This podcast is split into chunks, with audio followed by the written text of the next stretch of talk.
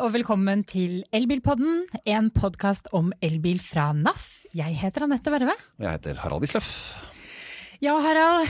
I slutten av forrige episode så reklamerte vi for vår O store vintertest. Det gjorde vi, og eh, nå sitter vi her. Og vi skal Og vi- ikke snakke om vintertesten. Nei, for det ble ingen vintertest, Anette. Og eh, hva skjedde? Det ble ikke det. Nei, altså vi begynte å klargjøre alle bilene. Vi hadde hentet eh, 25 av de heteste elbilnyhetene. Vi hadde begynt å installere trackere, sånn at vi kunne kjøre GPS-sporing på alle bilene. Og så kom eh, fredag, Og da skjedde det noe. og da kom det en nyhet om et uh, mutantvirus uh, som hadde blitt funnet i Nordre Follo. Og det ble ganske tydelig at nå kom kommunegrensene til å stenges. Og da klarte ikke vi å se hvordan vi kunne ta med oss nesten 40 stykker ut på tur ut av Oslo kommune, eller Viken. Nei, og det skulle vi gjerne gjort. Og vi beklager jo selvfølgelig at vi ikke fikk eh, gjort den vintertesten som vi hadde tenkt det. Men eh, vi takker for at dere har støtta oss på vårt standpunkt, i hvert fall. Fordi vi syns det var til slutt, etter lang debatt, riktig å si nei. Og så skal vi sørge for å lage en vintertest ved en annen anledning. Ja, vi kommer nok til å finne på et eller annet. Og uansett så kommer vi i hvert fall tilbake til sommeren Det gjør vi. med en sommertest. fordi Ja. vi skal jo teste rekkevidden sommer og vinter. Og dette er jo en ganske fin link til det vi skal snakke om i dag. For i dag skal vi snakke om når bilen, for det første, når den ikke kjører. Og dessuten startpunktet for våre tester. Helt riktig, for vi har jo lagt eh, starten av testen til Vulkan parkeringshus, som ligger i Oslo sentrum. Og der skulle jo vi lage ganske mye liv og røre. Eh, og det har vi fått lov til eh, annet av deg, Frode Rønne Malmo, som er daglig leder for Vulkan. Det var jo synd at ikke vi kunne komme og lage litt eh, leven hos deg når det nå er litt stille. Ja, veldig leit. Det var, det var noe vi så fram til, så det var utrolig synd. Men vi håper å få det til igjen, da. Men skal også, jeg skal la deg forklare hva vulkanområdet er. for det er jo ikke alle dere lyttere som vet hvor, hvor i Oslo vi er og hva slags område dette er. Men litt for, for å sette dette i kontekst, at dere er jo da en såkalt destinasjon. Eh, og det jeg tenker vi da skal utforske litt i denne her episoden, det er jo dere som er en destinasjon, et sted som elbilister og eh, besøkende reiser til, hvilken rolle spiller da egentlig dere i elektrifiseringen av eh, bilparken når det gjelder å legge til rette for bl.a. Eh, bruk av bil og lading av bilen? Så, men la oss begynne med vulkanområdet. Eh, hva er det? Vulkan er eh, en eh, gammel og eh, historisk industritomt i Grünerløkka bydel i, i Oslo. Eh, ligger opp langs Akerselven. Det er ca. 15 minutter å gå hvis du går fra eh, Oslo S. Så det er egentlig ganske sentralt, men også et område som har vært veldig glemt av veldig mange. Eh, mange hundre års erfaring fra industri og sagbruk og ulike ting. Eh, og det var industri i, på Vulkan helt fram til 1959. Og så etter det så har det egentlig ligget mer eller mindre brakk, eh, fram til vi i Asplin Ramm Eiendom kjøpte dette her i 2005. Dette er historisk grunn, Frode, ikke sant? Ja, jeg tror faktisk dette er en av de første tingene vi har ordentlige opptegninger fra i Oslo. Oh, ja. Eh, Det veldig få vet, også i Oslo, det er at det ligger noen sølvgruver rett på oversiden av Vulkan. Og det var egentlig utgangspunktet for det kommersielle Oslo, som har hentet da sølv ut av gruvene og ned til Akerselva, og med båt da ut og opp langs fjorden. Fantastisk. Jeg lærte noe nytt i dag, jeg også. Jaggu. Og her ligger jo da i dag eh, det som jeg tror kanskje fortsatt er Norges største ladeanlegg. Eh, hvis lytterne der ute vet om et anlegg som er større, så send oss gjerne en melding. Eh, for av det vi har googlet oss fram til, så er det fortsatt i hvert fall et av de aller største. Eh, her er det også hoteller rundt, det er eh, kontorer, det er leiligheter, og det er mathallen, restauranter, butikker. Det er ganske sånn yrende, yrende liv. Og hvilken rolle er det da eh, dere som altså eiendomsutvikler da, eh, spiller i elektrifiseringen? Ja, nei, jeg tenker eh, vi, vi kaller Vulkan for et byutviklingsprosjekt. Det er mange måter hvordan vi bygger eh, en liten by i byen. Og den trenger veldig mange funksjoner for å, for å fungere. Den trenger jo eh, den trenger folk. Så vi må ha folk der. Og en av de tingene vi, vi gjorde veldig tidlig, var å si at skal vi få Vulkan til å fungere, så må folk være der hele døgnet. Og da må folk bo der. Og da bygde vi leiligheter, og så bygde vi hoteller. for da bor også folk der. For det er noe med å ta, liksom, området, ta eierskap til området, det er jo å bo der, du kan bruke det om kvelden, sørge for at det er lys der og trygt der. Eh, og så må du ha logistikk, og så må du ha kultur og service og varer og tjenester. Og alt dette her trenger jo eh, bil, eh, og vi, da måtte vi ha et P-hus. Så en av de første tingene vi begynte å legge opp til, var en, et parkeringshus. Um, fordi Vulkan var et uh, bilbasert destinasjonssted i Oslo sentrum. Uh, vi forventet når vi kjøpte det her i 2005 at dette skulle være avhengig av trafikk fra store deler av Oslo, og de kom med bil. Det er ikke noe spesielt godt sånn kollektivdekning der, så, så, bilen var veldig sentral. Så da planla vi et stort P-hus for det. Og det parkeringshuset, det eh, tok det litt lengre tid å lage enn det som var planen. Det som tok det lang tid å lage, det var én ting var å faktisk bygge det, en annen ting var å få lov til å bygge det. Det var dette med inn- og utkjøringer ikke sant, av veier, det var veldig mye søknadsprosesser som tok tid. Um, og vi satte jo i mange måter en sånn siste deadline for dette PUC-et må være oppe og stå til vi skulle åpne da Mathallen Oslo, som, uh, som, var en viktig trafikkdriver for prosjektet. Og det skulle da åpne i oktober 2012.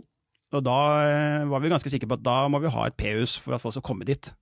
Så eh, planen var definitivt å ha PC klart til da, ehm, men som mange andre prosjekter så ble det litt forsinket. Så de åpnet ikke før egentlig i januar 2013, altså tre måneder etter at mathallen åpnet. Og mange, mange parkeringsbøter etter? Det var, eh, det var, en tung periode, faktisk. fordi eh, når du åpner et sted som Mathallen, som du har kjempet for å åpne, og som folk er veldig skeptiske til, så er du avhengig av eh, mye goodwill. Da. Du er avhengig av at folk faktisk kommer og får en god opplevelse første gang du kommer dit. Og når du må ikke ha parkering, og du må finne deg en eller annen plass, og du får en parkeringsbot, så er førstetrykket ødelagt, mm. rett og slett. Så det har vi lært. Først P-hus, og så kan vi åpne butikker og restauranter etterpå. Men da er vi jo tilbake eh, i en tid da ikke nødvendigvis nybilsalget eh, 60% av nybilsalget var elbiler. Eh, da var det en helt annen hverdag. Eh, var elbilen en del av eh, planene deres eh, i starten? Nei, det var ikke det. Det var, jeg vil si, det var helt ukjent for oss, egentlig. Eh, men vi var så heldige at vi hadde mm, som et nabo eh, til dette Vulkan-prosjektet, så var Bellona. Miljøstiftelsen eh, Bellona hadde kontor i naboparken. Så de var veldig raskt på banen og hadde mange meninger om hva vi skulle bruke Vulkan til, og hvordan vi skulle bygge det. Så vi inviterte de med prosjektet, og sørget for at de fikk kontorer der.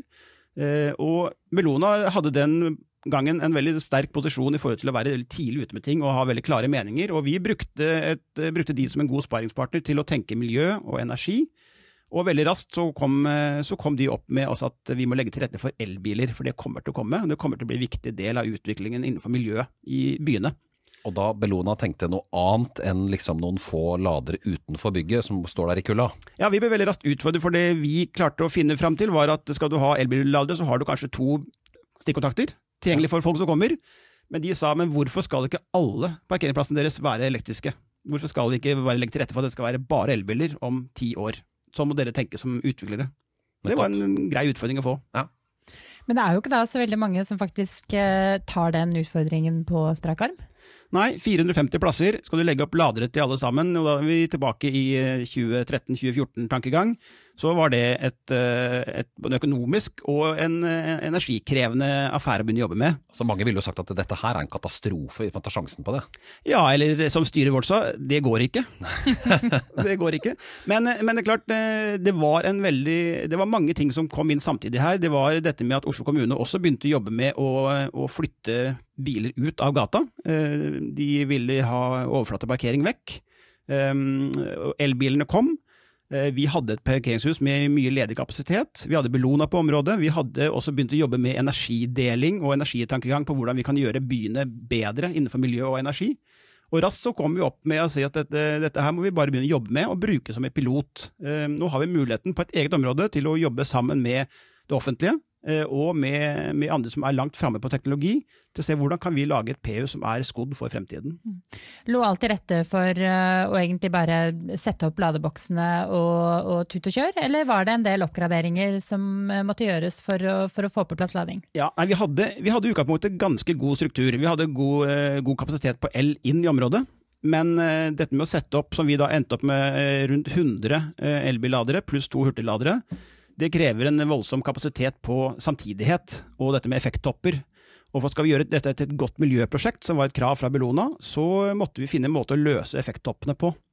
Så, så det ble jobben, er egentlig å finne ut hvordan kan vi eh, få opp mange ladere, eh, hvordan kan vi løse samtidighet, Um, og hvordan kan vi få økonomi i dette her? Ja, for så, Sånn teknisk så er dette altså det, er, uh, det kommer mange biler og lader primetime, og alle vil ha høy effekt på ladingen. og Det er en høy belastning, ikke sant. Så man må da finne ut hvordan man kan, hvordan man kan takle dette. Ja. Og, og, jevne ut. Effekttoppene er, effekttoppene er veldig krevende teknisk og veldig ja, dyrt. Nettopp. Det må man unngå. Mm. Men dere tok jo da og, og til, altså hadde en litt annen tilnærming på dette ved at dere har bl.a. da eh, satt opp ladestasjoner med ulike effekter.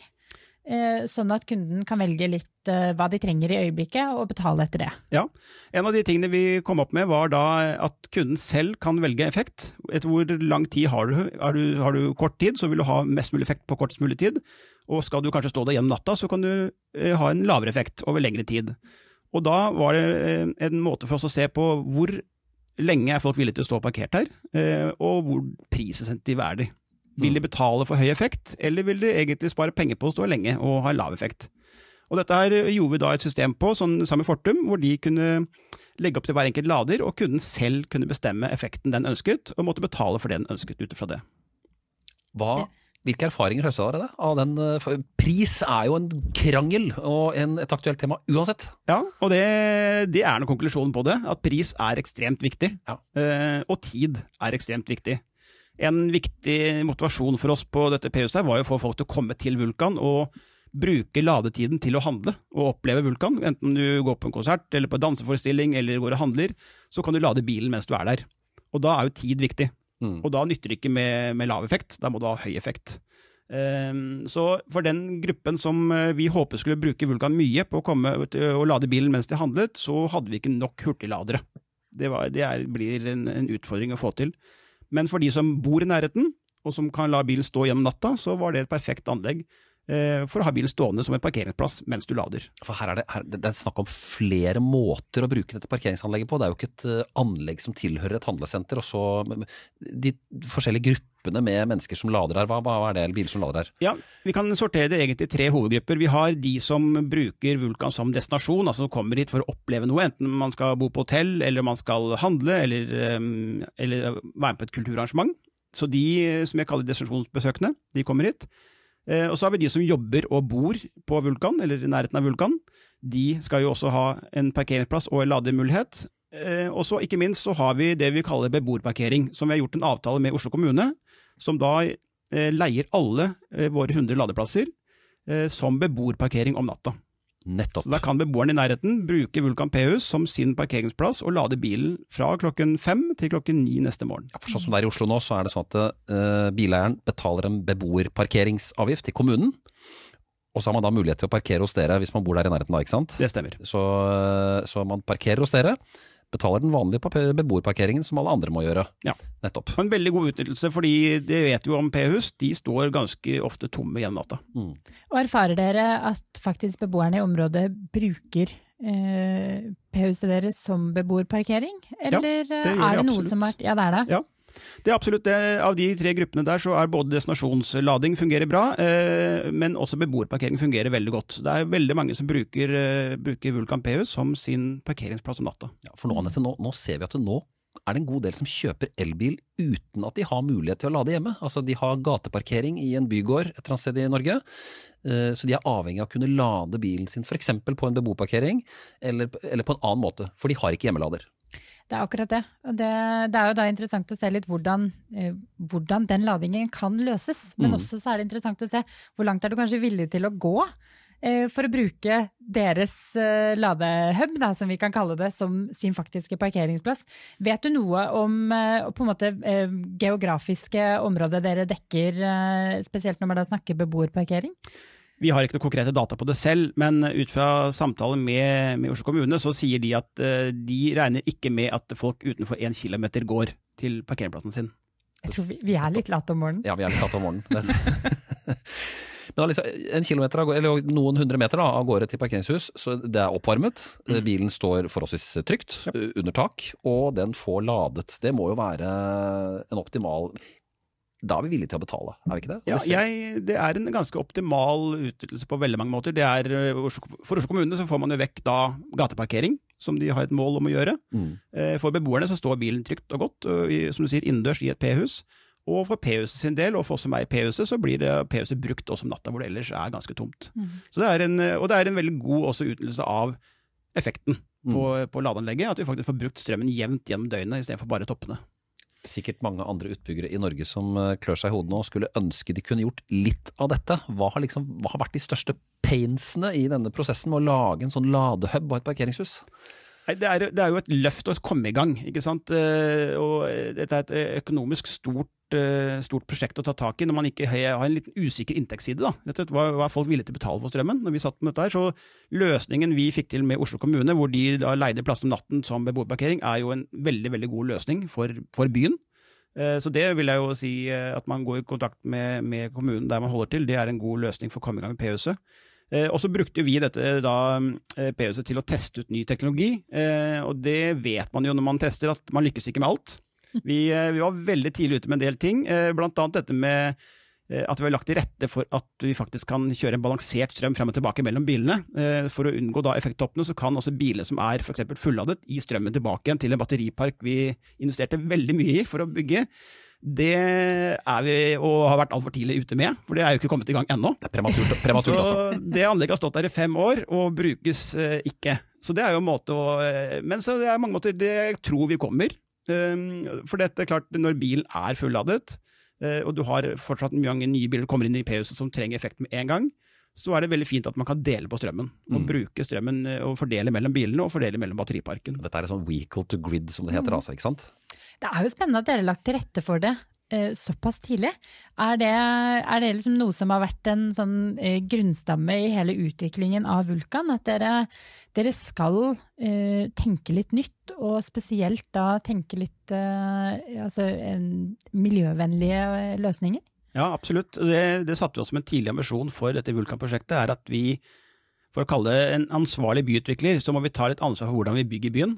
Eh, Så dette med å bruke riktig type materialer, altså miljøriktige materialer, det å bygge energieffektivt, sånn at vi på Vulkan har vi jo energibrønner som gjør at vi kan jo ta vare på da energien som skapes på type fasader, da, solfangere og, og maskineri. Altså når vi har en mathall som trenger veldig mange kjøledisker, så den energien som kreves for, for å gjøre kjølediskene kalde, den energien tar vi da vare på ned i, i geobrønner, og kan hente opp igjen og varme opp tappevannet f.eks. til dusjer og tappevann til leiligheter og hotellene.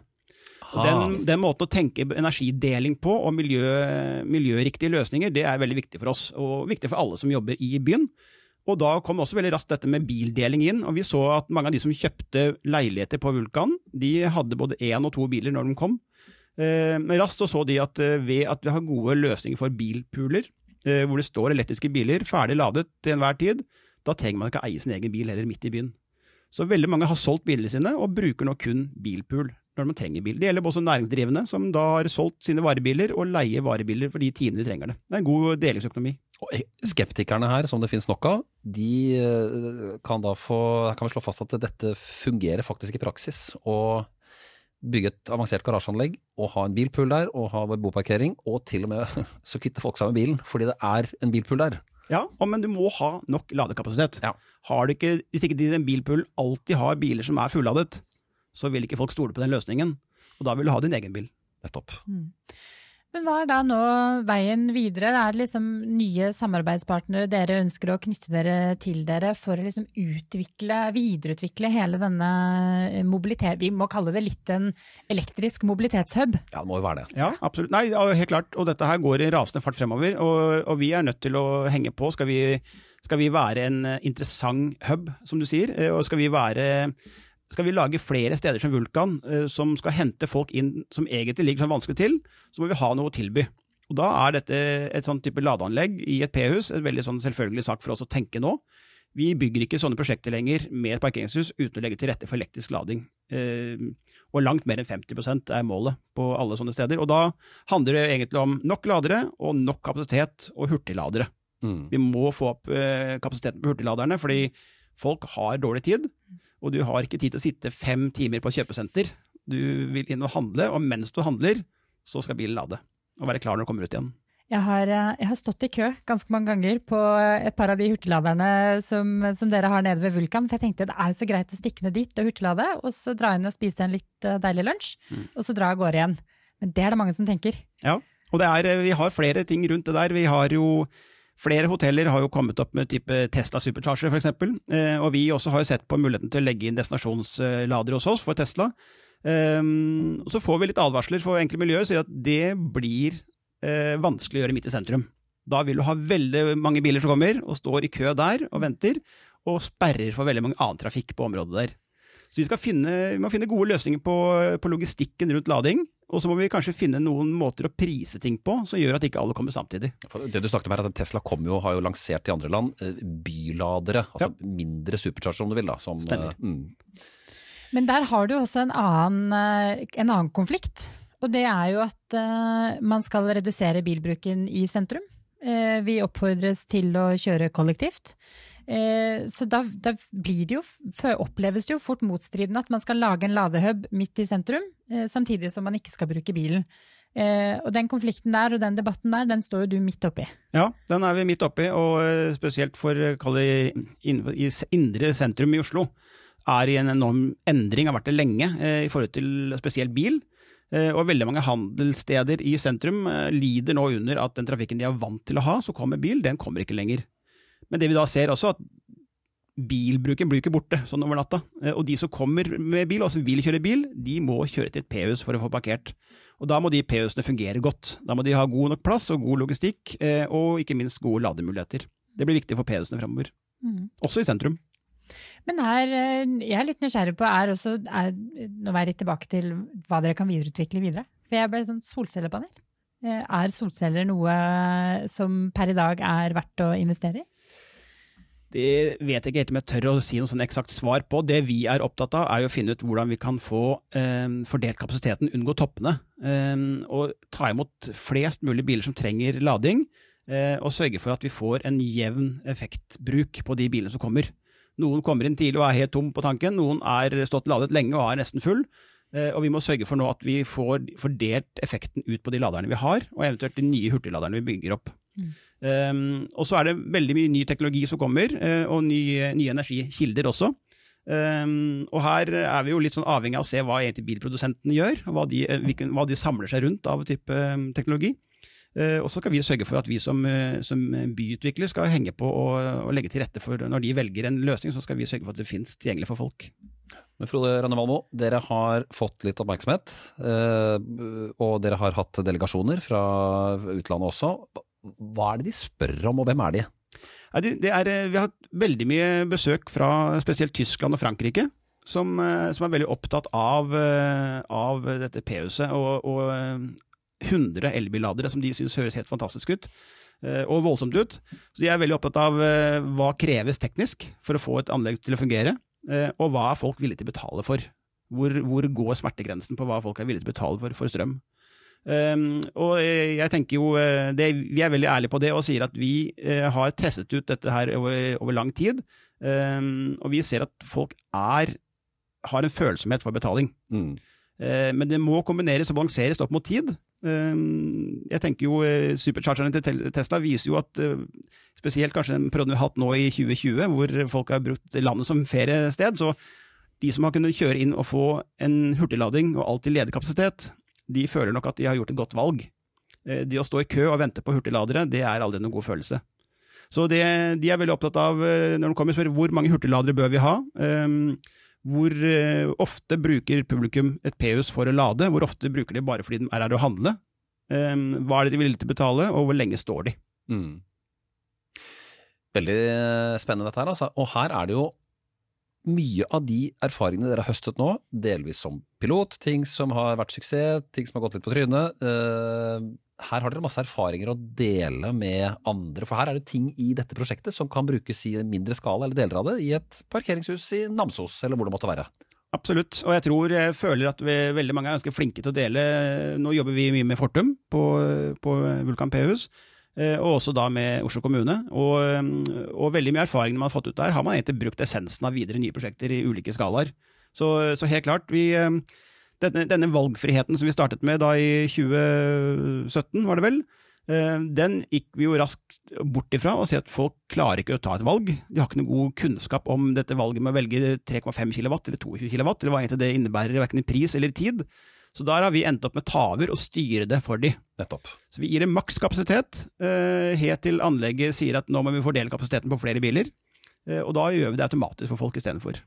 Det er en, en erfaring vi har gjort, å si at vi, vi skal ikke legge altfor mange valg opp i hendene til folk, hvor det, folk vil ha det skal fungere best mulig optimalt hver gang de kommer og lader. Nettopp. Ja, og så er jo erfaringen at der blir det fort litt komplisert. Eh, Dette med effekt er komplisert eh, å forstå seg på. Det er veldig mye nytt du skal lære deg når du blir elbilist, og der er det heller bedre at dere gir maks effekt til, eh, til bilene. For dette kan uansett ulike biler ta ulik makseffekt, og da er det uansett heller bilen som begrenser det, enn brukeren. Ja, så vet vi jo, som vi har snakket om mange ganger her i Elbilpodden, at eh, entusiasttiden for elbilister er i stor grad over. Nå er det den vanlige forbrukeren som vil ha en elbil, og da må liksom ting være strømlinjeformet, og det må funke. Og man orker ikke sette seg alt i det entusiastene i sin tid syns var fryktelig spennende. Det tror jeg er helt riktig oppsummert. Men litt avslutningsvis, eh, Frode. Hva tenker du eh, fremover hvis man faktisk skal få på plass eh, destinasjonslading à la det eh, dere har lagt til rette for? Eh, hva er hindrene, utfordringene, som må ryddes opp i eh, for at det skal bli flere som etablerer om så ikke like stor skala som dere, men iallfall etablerer et godt ladetilbud?